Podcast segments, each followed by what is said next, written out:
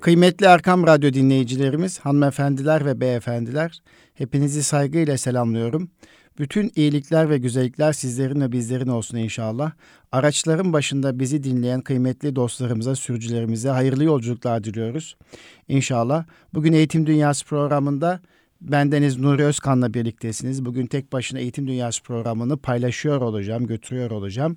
Geçtiğimiz hafta konuğumuz vardı. Eğitimci yazar Hüseyin Akar Beyefendi ile daha çok eğitimciler hitaben bir konuşma yapmıştık. Eğitimci yazar Hüseyin Akar Bey'in e, kaleme aldığı Sınıfta Devrim kitabı üzerine söyleşi gerçekleştirmiştik. Keyifli, güzel bir söyleşi oldu. Ben de o günden sonra bu kitabı okudum ve kitapta gerçekten öğretmenlere dönük bir deneyimli öğretmenin hayatından süzülmüş çok ince enstanteler var, güzel hatıralar var, paylaşımlar var ve süzülmüş bir emek olması münasebetiyle bugünkü programın adını yine sınıfta devrim olarak koyuyorum efendim. Zira devrime ihtiyacımız var, farklılıklara ihtiyacımız var, farklı bakışlara ihtiyacımız var. Alternatif okullara, alternatif sınıflara ihtiyacımız var ve sınıfta devrimi gerçekleştirecek eğitimcilere ihtiyacımız ihtiyacımız var. Dolayısıyla bu kitap bu açılımı e, gerçekleştirdiği için yine ben bu kitap üzerinden paylaşımı bugün gerçekleştiriyor olacağım. Kıymetli Erkam Radyo dinleyicilerimiz, hanımefendiler ve beyefendiler biliyorsunuz Eğitim Dünyası programımız İstanbul Gönüllü Eğitimciler Derneğimizin katkılarıyla hazırlanıyor. İstanbul Gönüllü Eğitimciler Derneğimiz de zaten öğretmenlerimizin mesleki gelişimine katkı sunmak amaçlı kurulmuş bir dernektir. İstanbul Gönüllü Eğitimciler Derneği sadece öğretmenlerimizin mesleki gelişimine katkı sunmak sunmak amaçlı değil, yöneticilerimizin de okul müdürlerimizin de meslek gelişimine katkı sunmaktadır. İlaveten gelecekte öğretmen olmayı düşünen ve bunun için eğitim fakültesinde ve ilahiyat fakültesinde okuyan gençlerimize 5G akademi çerçevesinde etkinlikler yapmaktadır. Onları hayata hazırlamaktadır kıymetli dostlar. İşte Bugünkü sohbetimiz de sınıfta devrim adıyla aslında eğitimcilere dönük olacak. Tabii e, biliyorsunuz önce fiili olarak okulda eğitimcilik yapan sınıfa giren öğretmenleri ilgilendirmekle birlikte aslında hayatta anne baba olarak hepimizin eğitimle ilişkisi olması münasebetiyle bugünkü programımız aslında hepimize dönük bir program olacak. Bu e, sınıfta devrim kitabından hani geçen hafta Hüseyin Akar Bey ile konuşurken biliyorsunuz mucize öğretmen veya fark atan eğitimci olarak 32 şarttan bahsetmişti. 32 şart yani 32 husustan bahsetmişti. Biz bugün e, birkaç radyo programında, Eğitim Dünyası programında belki dört programda ancak bu 32 şartı paylaşabiliriz, gerçekleştirebiliriz. Bugün bu 32 şartı önce sizinle sayacağım. E, fark atan bir eğitimci olabilmek veya sıra dışı bir eğitimci ol, olabilmek ve kitaptaki ifadesiyle e, Hüseyin Akar Bey'in şahsiyetinde mucize şahsiyet diye anılan yani mucize öğretmen diye anılması sebep olan o başarısının sırrını e, anlatan e, sırları 32 şartı önce sıralayacağım. Sonra her bir eğitim dünyası programında en az 4-5 şartı sizinle paylaşıyor olacağım. Tabii ki e, sınıfta devrim kitabı hangi yayın evinden çıktı? Türkiye Üstün Zekalı ve Dahi Çocuklar Vakfı'nın yayın evinden çıktığını hatırlatalım. Bu kitabı temin etmek en güzel olandır. Çünkü radyodaki duyduklarınızla birlikte okumak daha çok etkili olacaktır kendi yaşamınızda kıymetli dostlar. Evet İstanbul Gönüllü Eğitimciler Derneği e, hem öğretmen akademi hem yönetici akademi hem 5G akademi çalışması yaparken aynı zamanda e, konferanslar, sempozyumlar düzenlediğini biliyoruz. İnşallah e, biz de e, sınıfta devrimi gerçekleştirebilmek adına e, bir dizi e, çalışma yapacağız. Haziran'la yetişirse kısmet olursa oyunla öğretim biliyorsunuz artık her geçen gün oyunun, masalın, hikayenin ve açık alanda eğitimin kıymeti anlaşılıyor ve insanlar alternatif yaklaşım istiyor. Çocuklar özellikle eğitim eğlenceli olmalıdır diyorlar. Dolayısıyla alternatif yaklaşımları e, ortaya sergileyebilmek adına e, İGEDER inşallah yetiştirebilirse Haziran ayında da oyunla öğretim adı altında bir sempozyum, bir program gerçekleştirme hedeflemektedir. Biz de İGEDER olarak e, bu farklı açılımlara e, sürekli e, fırsat tanımaya çalışıyoruz ve Türkiye eğitimine ve Türk politikacılarına katkı sunabilmek adına e, paylaşımda bulunuyoruz kıymetli dostlar. Evet. Sınıfta Devrim kitabının ikinci bölümünde e, bir eğitimcinin fark atabilmesi için e, başarısının sırrını anlatan Hüseyin Akar Beyefendi 32 şarttan bahsediyor. Birincisi bir eğitimci hedef koymalıdır ve o koymuş olduğu hedefe inanmalıdır diyor. İkincisi azimli ve sebatlı olmalıdır. Üçüncüsü öğrencide var olan heyecanı artırmalıdır. Dördüncüsü öğrencilerin önündeki öğrenme engellerini kaldırmaya çalışmalıdır. Beş, öğretme heyecanı duymalıdır. Yani eğitimci öğretme heyecanı duymalıdır. 6. Öğretmen değişime açık olmalıdır. 7. Öğretmen açık zihinli davranmalıdır. Açık zihinli olmalıdır. 8. Eğitimci iyi bir model olmalıdır. 9. Eğitimci adil olmalıdır. 10. Eğitimci akıl teri dökmelidir. 11. Kadife sesli olmalıdır. 13. Öğrenciyi tanımalı, anlamalı ve onlarla bütünleşmelidir. 14. Veli ile iyi iletişim kurmak ve işbirliği yapmalıdır. 14 meslektaşlarıyla iyi iletişim kurmalıdır. 15 iyi bir sınıf iklimi oluşturmalıdır. 16 aktif öğrenmeyle öğrenciyi aktif hale getirmelidir. Yani eğitimi eğlenceli hale getirmelidir. 17 farklı olmak için çaba sarf etmelidir. Fark atan eğitimci olabilmek için farklı olmanın esaslarını e, paylaşıyor. 18 iyi niyet ve samimiyet üzerine olmalıdır. 19 öğretme heyecanına sahip olmalıdır e, diyor. 20 ee, öğretimde özgün materyaller üretebilmeli ve kullanabilmeli. 21 her ay bir sosyal sorumluluk projesi gerçekleştirmelidir. 22 ödevin ödülü öğretmenin kalbi diye bir başlık var. Bu başlıkta e, neyi kastediyor? Daha sonraki günlerde paylaşacağız. 23 yazıya, defter düzenine önem vermelidir. 24 etkili çevre oluşturmalı ve kullanmalıdır. 25 grup çalışmalarına, işbirliği çalışmalarına önem vermelidir. 26 hiçbir öğrenci geride kalmasın diye tam öğrenme çalışmalarını zamanında yapmalıdır. 27 kitap okuma alışkanlıklarını kazandırmalıdır. 28 28 her öğrencinin fark atabileceğine inanmalıdır. 29 yarın şimdidir diyerek çalışmalıdır. 30 eleştiriye açık olmalıdır. 31 kendi sıkıntı ve problemlerini sınıfa taşımamalıdır. 32 eyleme geçmelidir diyor. Ee, sınıfta devrim kitabında Sayın Hüseyin Akar Beyefendi. Evet kıymetli Erkam Radyo dinleyicilerimiz hanımefendiler ve, ve beyefendiler gerçekten e, fark atan bir eğitimci olabilmek için, sıra dışı bir eğitimci olabilmek için farklılıklar e, oldukça önemli. Farklılık her insanın kendinde saklı olan bir husustur. Diğer insanlardan farklı olmak ise bu farklı ortaya koymakla mümkündür. Farklılığı ortaya koymak çok keyifli de olsa büyük emek ister. Farklılığı ortaya koymak çok keyifli olsa da büyük emek ister. İşte bu emeği esirgemeyenler de hayatta farklı kişiler olurlar, farklı öğretmenler olurlar. Steve Jobs, Jobs diyor ki farklı olun, farklı düşünün, sıradan işler yapmaktansa aykırı işler ortaya koymak için size farklılığı getirecektir. Yani sıradan işler yapmaktansa aykırı işler ortaya koymak size farklılığı getirecektir. Dolayısıyla farklı olmaya çalışan, fark atmaya çalışan bir eğitimci de e, sıra dışı etkinlikler yapabilmeli ki o onun farklı olmasını sağlamalıdır.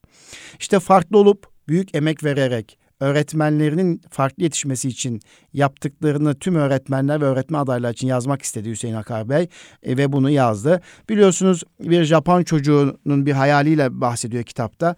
Japon çocuğun tek hayali çok ünlü bir karateci olmaktı diyor. E, bu hikayeyi paylaşmak istiyorum. Önemli bir hikaye. Japon çocuğun tek hayali çok ünlü bir karateci olmaktı. Fakat ailesi buna izin vermedi. Bir gün talihsiz bir kaza sonucu çocuk sol kolunu kaybetti. Ailesi çocuğun moralinin çok kötü olduğunu görünce ona bir karate hocası tuttu. Hoca ilk dersinde çocuğa karşısındakini sağ koluyla tutup üstünden savurmayı gösterdi. Karşısındakini sağ koluyla tutup üstünden savurmayı gösterdi. Hatta ikinci, üçüncü ve sonraki bütün derslerde hep aynı hareketi yapıyorlardı. Yani rakibinin sağ kolundan tutup üstünden savurmayı hoca o sol kolunu kaybetmiş öğrencisine sürekli bunu gösteriyor. Bu hareketi gösteriyor. Çocuk bir gün hocasına hocam ben çok sıkıldım. Artık başka hareketlere geçsek dedi. Hoca ise bunu kabul etmeyerek dünyada bu işi en hızlı yapan kişi olmadıkça başka bir harekete geçmeyeceğini söyledi.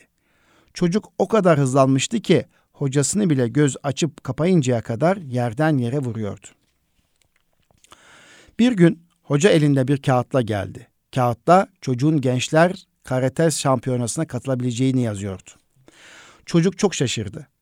Ertesi gün salonda ilk rakibinin karşısına çıkacakken heyecanlı hocasına vardı ve sordu. Hocam bu iş nasıl olur? Ben sadece tek hareket biliyorum. Kesinlikle ben bu yarışmayı, bu müsabakayı, bu şampiyonayı kaybederim. Hocası ise sen sadece o hareketi yap. cevabını verdi. Çocuk ringe çıktı ve hareketiyle rakibini eledi. Hatta tek hareketle finale kadar yükseldi. Finalde ise karşısında kendisinin iki katı birisi vardı. Önce çok korktu ama gene bildiği hareketi yaparak son rakibini de yendi ve şampiyon oldu. Sevinçle hocasının yanına koştu ve sordu. Hocam, nasıl olur anlamıyorum. Sadece bir hareket biliyorum ve tek kolluyum ve şampiyon oldum. Hocası çocuğa baktı ve dedi ki, senin yaptığın hareket karate'deki en zor hareketlerden biridir. Ve bir tek savunması vardır. O da rakibin sol kolunu tutmasıdır. Diye cevap verdi. İşte inanmak ve çalışmak hepsi bu kadar. Japon çocuk için başta imkansız gibi görünen şey rakibin sol kolunu tutması onun fark etmesini sağladı. Yani eksikliği de en büyük avantaj oldu. İşte öğretmen olarak işimize odaklandığımız ve başarıya ulaştıracak etkin yolları araştırıp o sınıfa öğrenciye has yaklaşımları tespit ettiğimiz zaman başarı kesinlikle kaçınılmaz oluyor. Elbette bu, yol, bu yolları bulmak, uygulamak emek ister, sabır ister, akıl ve alın teri ister. İşte kıymetli Arkam Radyo dinleyicilerimiz, dolayısıyla bir öğretmenin başarı ulaşabilmesi için 32 şarttan birincisi de e, öğretmenin, eğitimcinin hedef koyması ve o koymuş olduğu hedefe inanmalıdır diyor bu kitapta. Biz de onunla üzerine şimdi müzakere ediyoruz, paylaşımda bulunuyoruz sizlerle. Bir eğitimci e, fark atabilmesi için, farklı bir eğitimci olabilmesi için önce hedef koymalı ve koymuş olduğu hedefe inanmalıdır. İnsanoğlu yaşadığı sürece mutlu olmak ister. Öyle değil mi? Mutlu olmak isteyenlerin hayatının anlam kazanması için ise belli bir hedefin olması gerekir hedefi olanlar bu uğurda çaba sarf eder. Koyduğu hedefe inanan insanlar başarılı olurlar. Başarı ise mutluluk getirir. Mutluluk daima yakınımızdadır. Yakalamak için çoğu zaman elimizi uzatmak gerekir. Yakınımızda olan mutluluğu yakalamak için sadece biraz gayret etmenin yanında onu hissetmek, onu algılayabilmek gerekir elde edilen küçük mutluluklar birleşerek büyük mutlulukları meydana getirecektir. Yeter ki buna inan ve yönel.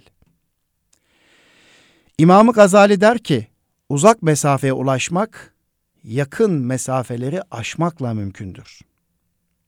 Yakın hedeflere ulaşmamız bizim daha büyük hedeflere ulaşabileceğimizin işaretidir. Yeter ki yılmadan mücadele edip çalışma, çalışmak gerekir. Ve bunun için de çalışalım.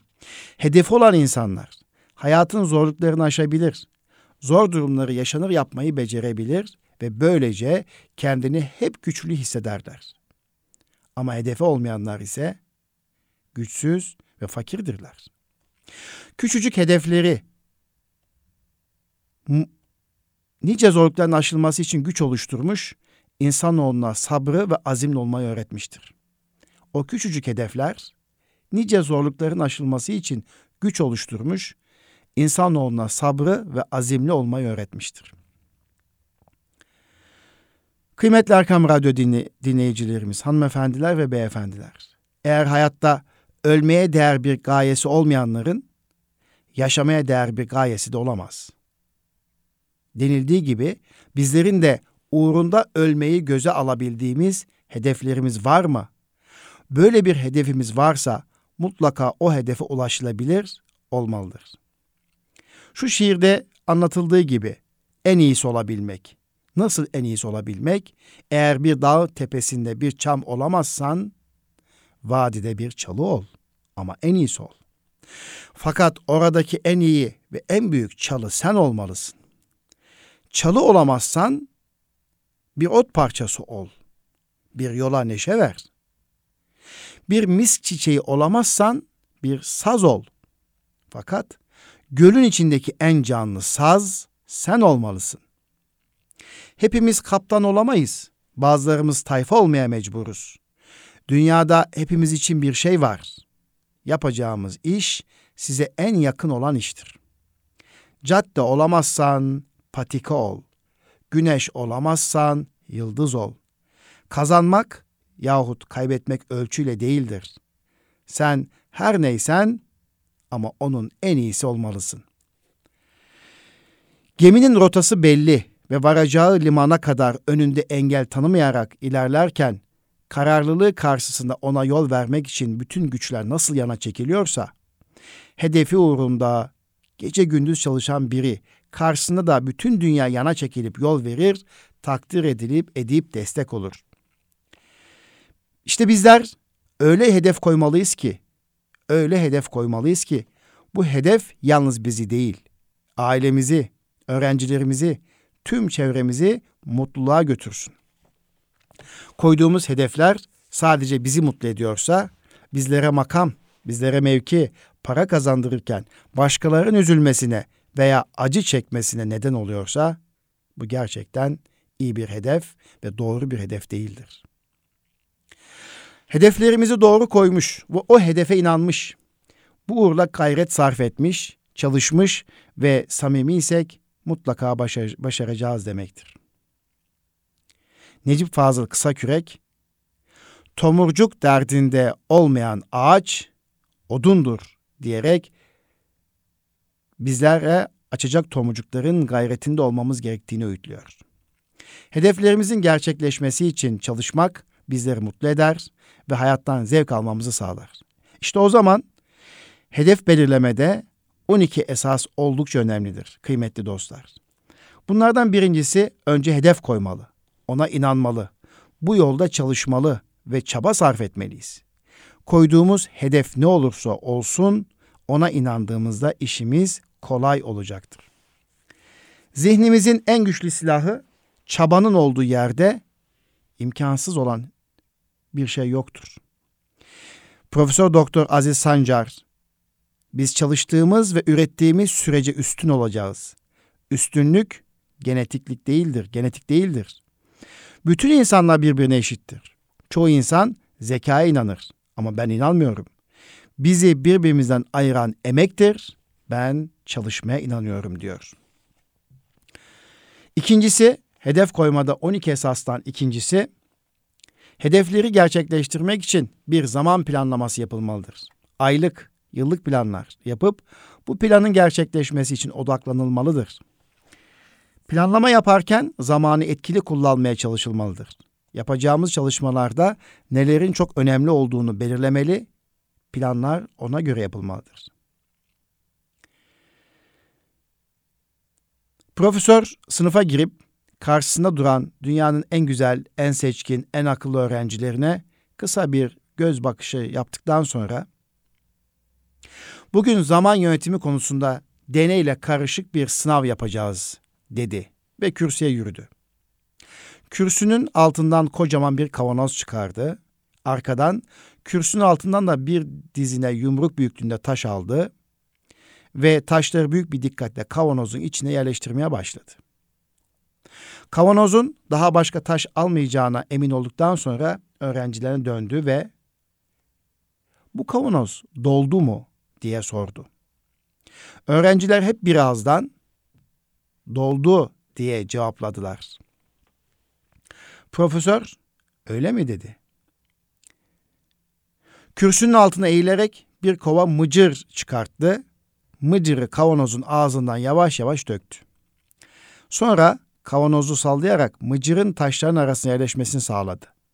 Sonra öğrencilerin dönerek bir kez daha bu kavanoz doldu mu diye sordu.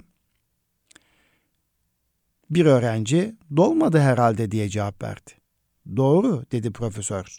Ve gene kürsünün altına eğilerek bir kova kum aldı ve yavaş yavaş tüm tüm tüm kum taneleri taşlarla mıcıların arasında nüfuz edene kadar yavaş yavaş döktü ve gene öğrencilerine döndü ve dedi ki bu kavanoz doldu mu? Tüm sınıftakiler bir ağızdan hayır diye bağırdılar. Güzel dedi profesör. Ve kürsünün altına eğilerek bir sürahi su aldı ve kavanoz ağzına kadar doluncaya kadar da suyu içine boşalttı. Sonra öğrenciler dönerek dedi ki bu deneyin amacı neydi diye sordu. Uyanık bir öğrenci hemen zamanımız ne kadar dolu görünürse görünsün daha ayırabileceğimiz zamanımız mutlaka vardır diye atladı. Profesör, hayır. Bu deneyin esas anlatmak istediği eğer büyük taşları baştan yerleştirmezsen küçükler girdikten sonra büyükleri büyük işleri hiçbir zaman kavanozun içine koyamayacağın gerçeğidir. Her öğrenci bu hikayede olduğu gibi kendisi için neyin önemli, neyin önemsiz olduğunu tespit etmeli. Kavanoza onları ona göre koymalıdır. Yani öğrenci kavanoza önce yapmak zorunda olduklarını, daha sonra yapmak istediklerini yine önem sırasına göre koymalıdır. Dolayısıyla ikincisi hedefleri gerçekleştirmek için iyi bir plan, iyi bir zaman planı yapmak gerektiği vurgusu. Üçüncüsü bir öğretmen odaklandığı şeyi, hedefi gerçekleştirebilmesi için 12 esasdan biri, üçüncüsü de her bir hedefi kendi içinde küçük hedeflere ayırarak çalışmalı. Her küçük hedefe ulaşmak bütüne giden yolda en önemli adımlardan biridir.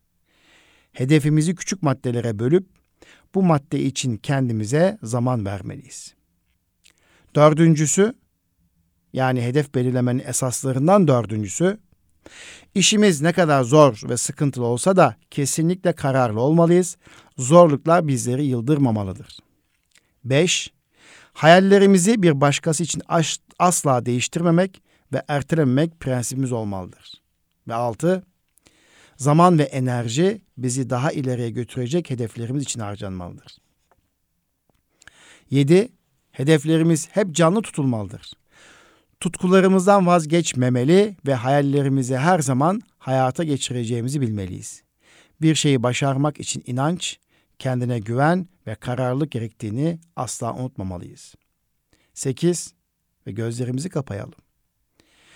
Ve kendimizi planladığımız yerde düşünelim bunun nasıl hissettirdiğini hiç unutmayalım. Bu duygu bizi heyecanlandırır ve coşku veriyorsa doğru yerde izlemektir.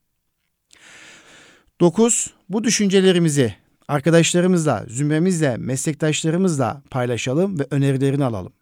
Geliştirmek, büyümek ya da ulaşmak istediğimiz hedefe ilişkin belirlediğimiz sorumlulukları hayata geçirme noktasında güvenilir bir meslektaşımızdan veya arkadaşımızdan destek talep edebiliriz bu güvenilir meslektaşımızın eleştirisini kabul edeceğimiz bir kişi olmasına dikkat ederek değerlendirmeliyiz. Seçtiğimiz kişi hedeflerimizi ve bu hedefler için belirlediğimiz zaman planlamasını paylaşarak bizi kontrol etmesini, zaman planlamamızın dışına çıktığımızda da bizi tekrar motive ederek plana uygun hareket etmemizi sağlayacaktır. Ve 10 yani 10. madde hedef belirlerken uymamız gereken esasları paylaşıyoruz. Kıymetli Erkam Radyo dinleyicilerimiz. Onuncusu mükemmel olmayı bir kenara bırakmalıyız. Mükemmellik bazen hedefe zorlaş hedefe ulaşmamızı, hedeflere ulaşmamızı zorlaştırabilir. Çünkü hayatta kimse mükemmel değildir. Mükemmellik beklemek güzeldir ama mükemmel olmak her zaman mükemmel olmak da insanı bazen sıkıntıya sokabilir.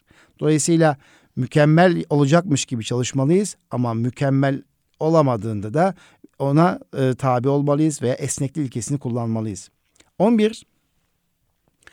Başarısız olma korkusundan uzaklaşmamız gerekir. Bu korku ayaklarımıza vurulmuş prangalardır. Bu yolda zaman zaman başarısızlıklarla karşılaşabiliriz. Bu bizi yıldırmamalı. Çok daha güçlendirerek hedeflerimize ulaşmak için hemen adım atılmalı ve harekete geçilmelidir. 12. Her yaptığımız ilerlemeleri önemsemeliyiz. Durmaktansa bir adım atmanın her zaman daha iyi olduğunu unutmamalıyız. Kuleye çıkış, merdivene atılan ilk adımla başlar. Her atılan adımı da başarı olarak görmeliyiz. Bu başarılarımızı ödüllendirmeliyiz. Yapılacak hatalarda da kendimizi asla cezalandırmamalıyız. Evet, kıymetli Erkam Radyo dinleyicilerimiz, bir mucize öğretmen, fark eğitimci olabilmek veya sıra dışı eğitimci olabilmek için e, sınıfta devrim kitabında e, birincisi bir eğitimci hedef koymalı ve koymuş olduğu hedefe inanmalıdır diyordu. O hedef belirlerken de, o hedefi belirlerken de 12 önemli esasdan bahsediliyor. Evet, ikincisi azimli ve sebatlı olmak. Bir eğitimci azimli olmalı, sebatlı olmalıdır. Azim, herhangi bir işte başarı ulaşmak için gösterilen gayrettir. Sebat ise kararlı olma.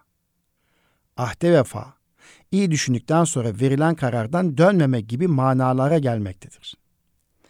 Azim, o işe ulaşabilme, başarı ulaşmak için gösterilen gayret, sebat ise de kararlı olmak, ahde vefa. Sebat, ahlaki faziletlerden biridir. Bu fazilete sahip kişiler sözünde sabit ve görüşlerinde kuvvetli, işlerinde cesur ve yürekli kimselerdir. Azim ve sebat insanoğlunu gayrete getiren cazip bir ruhtur.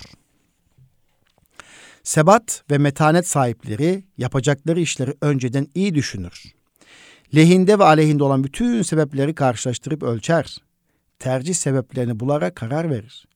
Böyle verilmiş kararlardan da artık dönmezler. İrade ile ilgili olan bu fazilete sahip olmak büyük bir meziyettir. Ne sevinç, ne üzüntü, ne menfaat, ne de heyecan. Kısaca hiçbir şey sağlam bir yapıya sahip, dayanıklı olan kişiyi kararından döndüremez. Öğretmenler de sebat ve metanet sahibi olurlarsa çevrelerindeki öğrencileri için cesaret ve güven kaynağı durumuna gelirler. Bu özelliğe sahip öğretmenler işlerinde daha başarılı olur. Bir öğretmen sınıfındaki zorluklara, müşküllere ve musibetlere karşı azim ve sebat gösterdiği zaman sınıfında tüm zorlukları geride bırakarak ilerleme kaydeder. Nitekim Cenab-ı Hak Kur'an-ı Kerim'de Ali İmran suresinde azmettiğin zaman da artık Allah'a tevekkül et. Elbette Allah tevekkül edenleri sever diye buyurmaktadır. Bütün başarılar ve fetihler hep azim ve sebatın neticesinde olmuştur. Kurulan harika medeniyetler de hep bu güzel hasletlerin meyvesidir.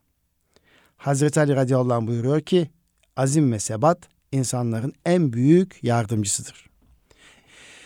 Biz büyük bir inançla Allah'ın ipine sarılıp azim ve sebat gösterince tek yardımcımız Cenab-ı Hak olacaktır. Zor olan işlerimizi kolay kılacaktır. Her meslekte olduğu gibi öğretmenlik mesleğinde de ancak azim ve sebat sayesinde umduğumuza ve arzu ettiğimize nail olabiliriz. Hep kendimize de şöyle demeliyiz. Bana öyle geliyor ki eğer bunun üzerinde çalışmaya devam edersem ve bunu yeterince çok istersem buna ulaşabilirim. İşte buna sebat denir. Karşılaştığımız problemden yılmadan üzerine gitmedeki kararlılığımız bizlerin emek vermemizi, üzerinde çalışmamızı sürekli kılıyorsa biz sebatlıyız demektir. Bir kimsede azim olmazsa bilgisi ölüdür kıymetli dostlar. Bilgiye yaşam veren ancak azimdir, diyor Gote. Bizlerin mesleki alandaki yeterliliğimiz ne kadar yüksek, bilgi düzeyimiz ne kadar fazla olursa olsun, azmimiz sayesinde öğrencilerimiz hayat bulacak, ilerleme sağlayacaktır. Aksi halde zor bir öğrenci karşısında bilginin para etmediğine defaatlerce şahit olmuşuzdur.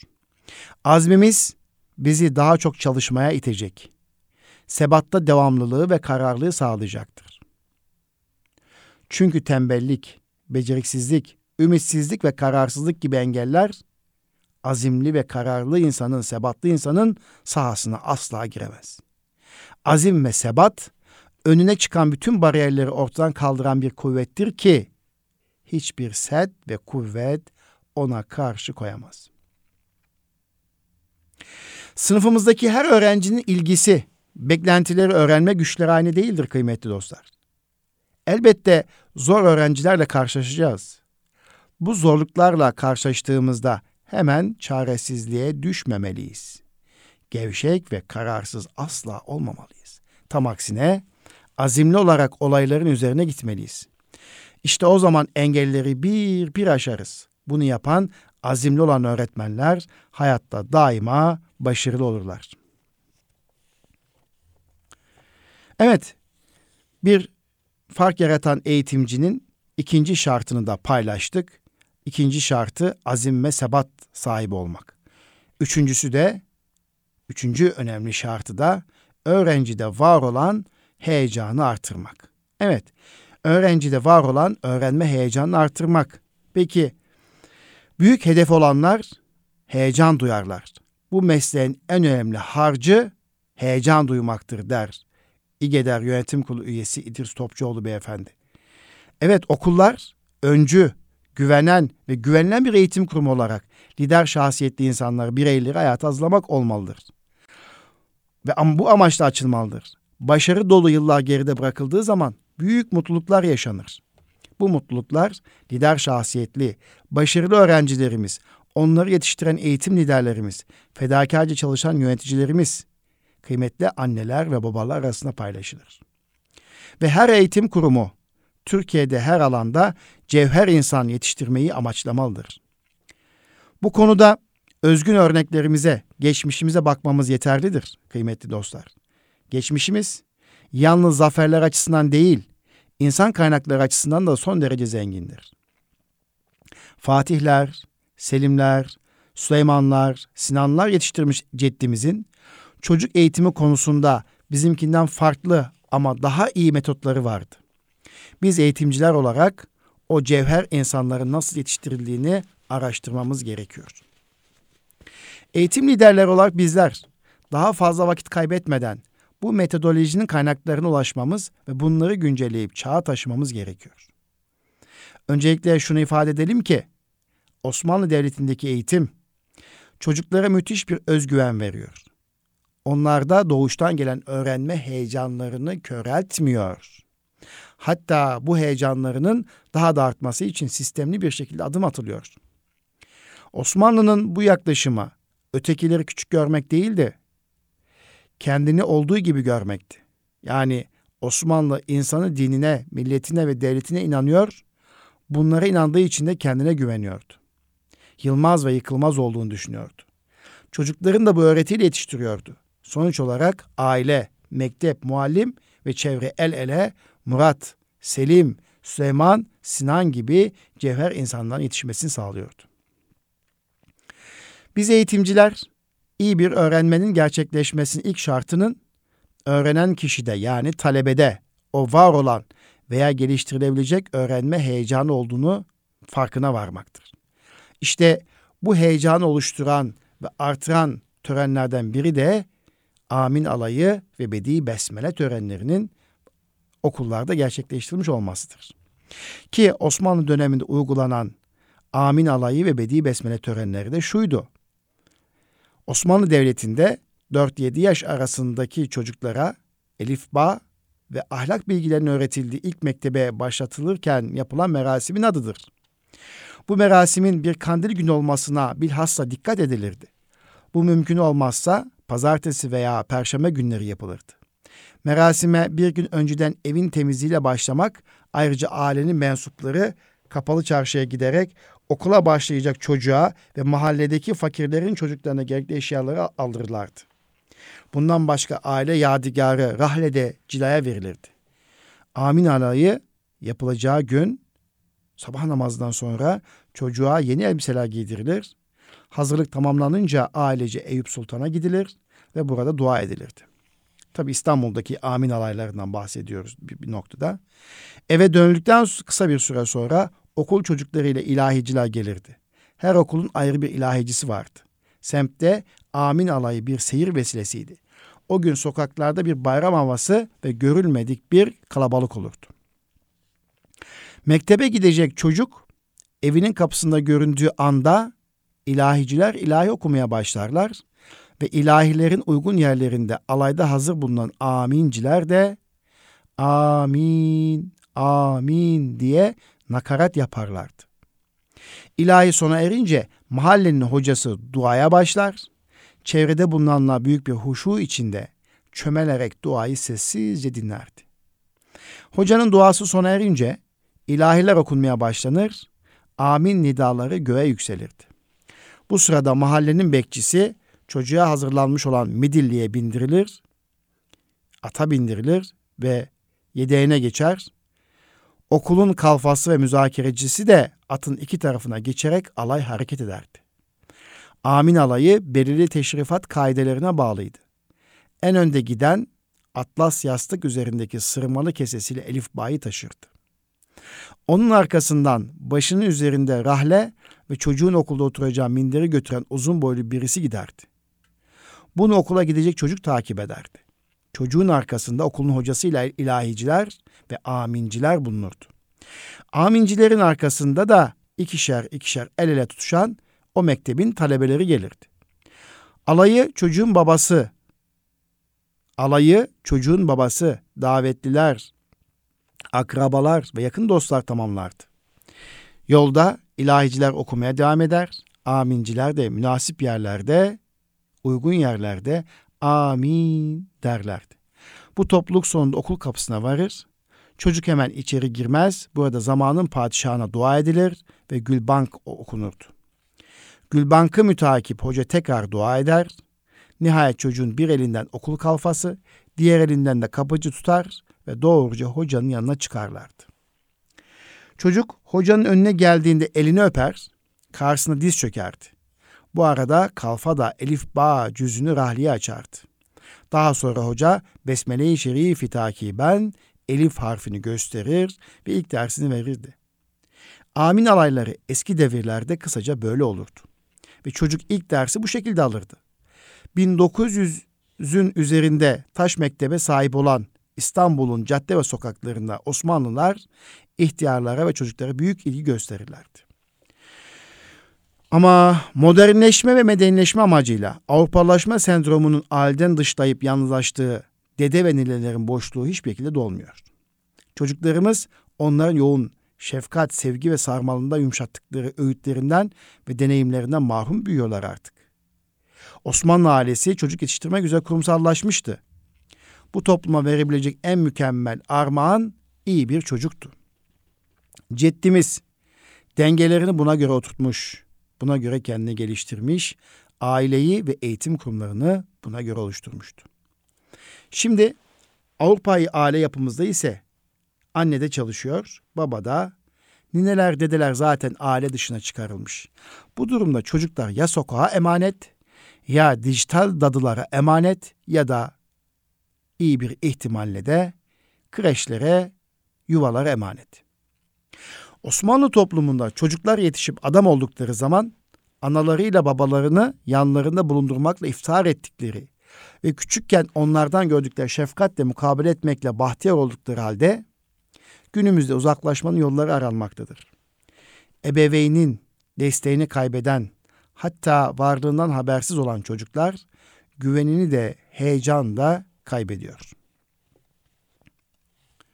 Evet, kıymetli Arkam Radyo dinleyicilerimiz, hanımefendiler ve beyefendiler, iyi bir öğretmen olabilmenin üçüncüsü de öğrencide var olan heyecanı artırmak.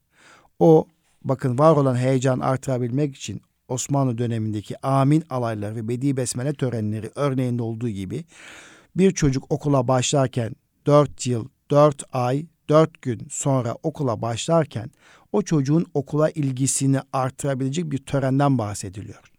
Kullandığı malzemeye, materyale kadar nasıl bir sevgi, ilgi oluşturuluyor bu anlatıldı. Aslında her zaman öğretmenin öğrencisindeki heyecanı, okul aşkını, okul heyecanını diri tutmak için çaba sarf etmelidir. Evet, kıymetli Erkam Radyo dinleyicilerimiz, hanımefendiler ve beyefendiler. Başarılı bir öğretmenin, sıra dışı bir öğretmenin, fark eden bir öğretmenin 32 şartından dördüncüsü de öğrencilerin önündeki öğrenme engellerini kaldırmaya çalışmak. Eski zamanlarda bir kral saraya gelin saraya gelen yolun üzerine kocaman bir kaya koydurmuş. Kendisi de pencereye oturmuştu. Bakalım neler olacaktı. Ülkenin en zengin tüccarları, en güçlü kervancıları, saray görevlileri birer birer gelirler. Sabahtan öğlene kadar hepsi kayanın etrafına dolaşıp saraya girerler. Pek çoğu kralı yüksek sesle eleştirir. Halkından bu kadar vergi alıyor ama yolları temiz tutamıyor diye. Sonunda bir köylü çıka gelir. Saraya meyve ve sebze getirdiği sırtındaki küfeyi yere indirir. İki eliyle kayaya sarılır ve ıkına sıkına itmeye başlar. Sonunda kan ter içinde kalır ama kayayı da yolun kenarına çekmeyi başarır. Tam küfesini yeniden sırtına almak üzeredir ki kayanın eski yerinde bir kesenin durduğunu görür. Ağzını açtığı kese altın doludur. Bir de kralın notu vardı. İçinde bu altınlar kayayı yoldan çeken kişiye aittir diye yazıyordu. Köylü bugün dahi pek çoğumuzun farkında olmadığı bir ders almıştı. Çok iyi niyetle birilerinin önündeki onu zorlayan engeli kaldırmaya çalıştığımız zaman hem bu dünyada hem de öbür dünyada karşılığını alacağımıza inanıyoruz. Her engel yaşam koşullarımızı, hayat koşullarımızı daha da iyileştirecek bir fırsattır. Yukarıdaki hikayede olduğu gibi, anlattığım hikayede olduğu gibi hayatımızda öğrenmemizi de zorlaştıran engeller çıkabilir. Bu engelleri fırsata dönüştürmenin yanında o engellere teslim olmamak gerekir. Onları aşabilecek güce sahip olmamıza rağmen çevrenin olumsuz diktesiyle mücadeleden vazgeçmek bizim için olabilecek en büyük hatadır. Öğrenmede başarısızlığın nedenleri yalnızca dikkatteki kolay dağılma, öğrenme güçlüğü veya zekaya bağlı değil. Son yıllarda çocuk ruh sağlığı ve beyin yapısı ile ilgili çalışmalar öğrenme, düşünme ve beceri kazanmanın çok daha geniş kapsamlı ve karmaşık süreçler olduğunu göstermektedir kıymetli dostlar.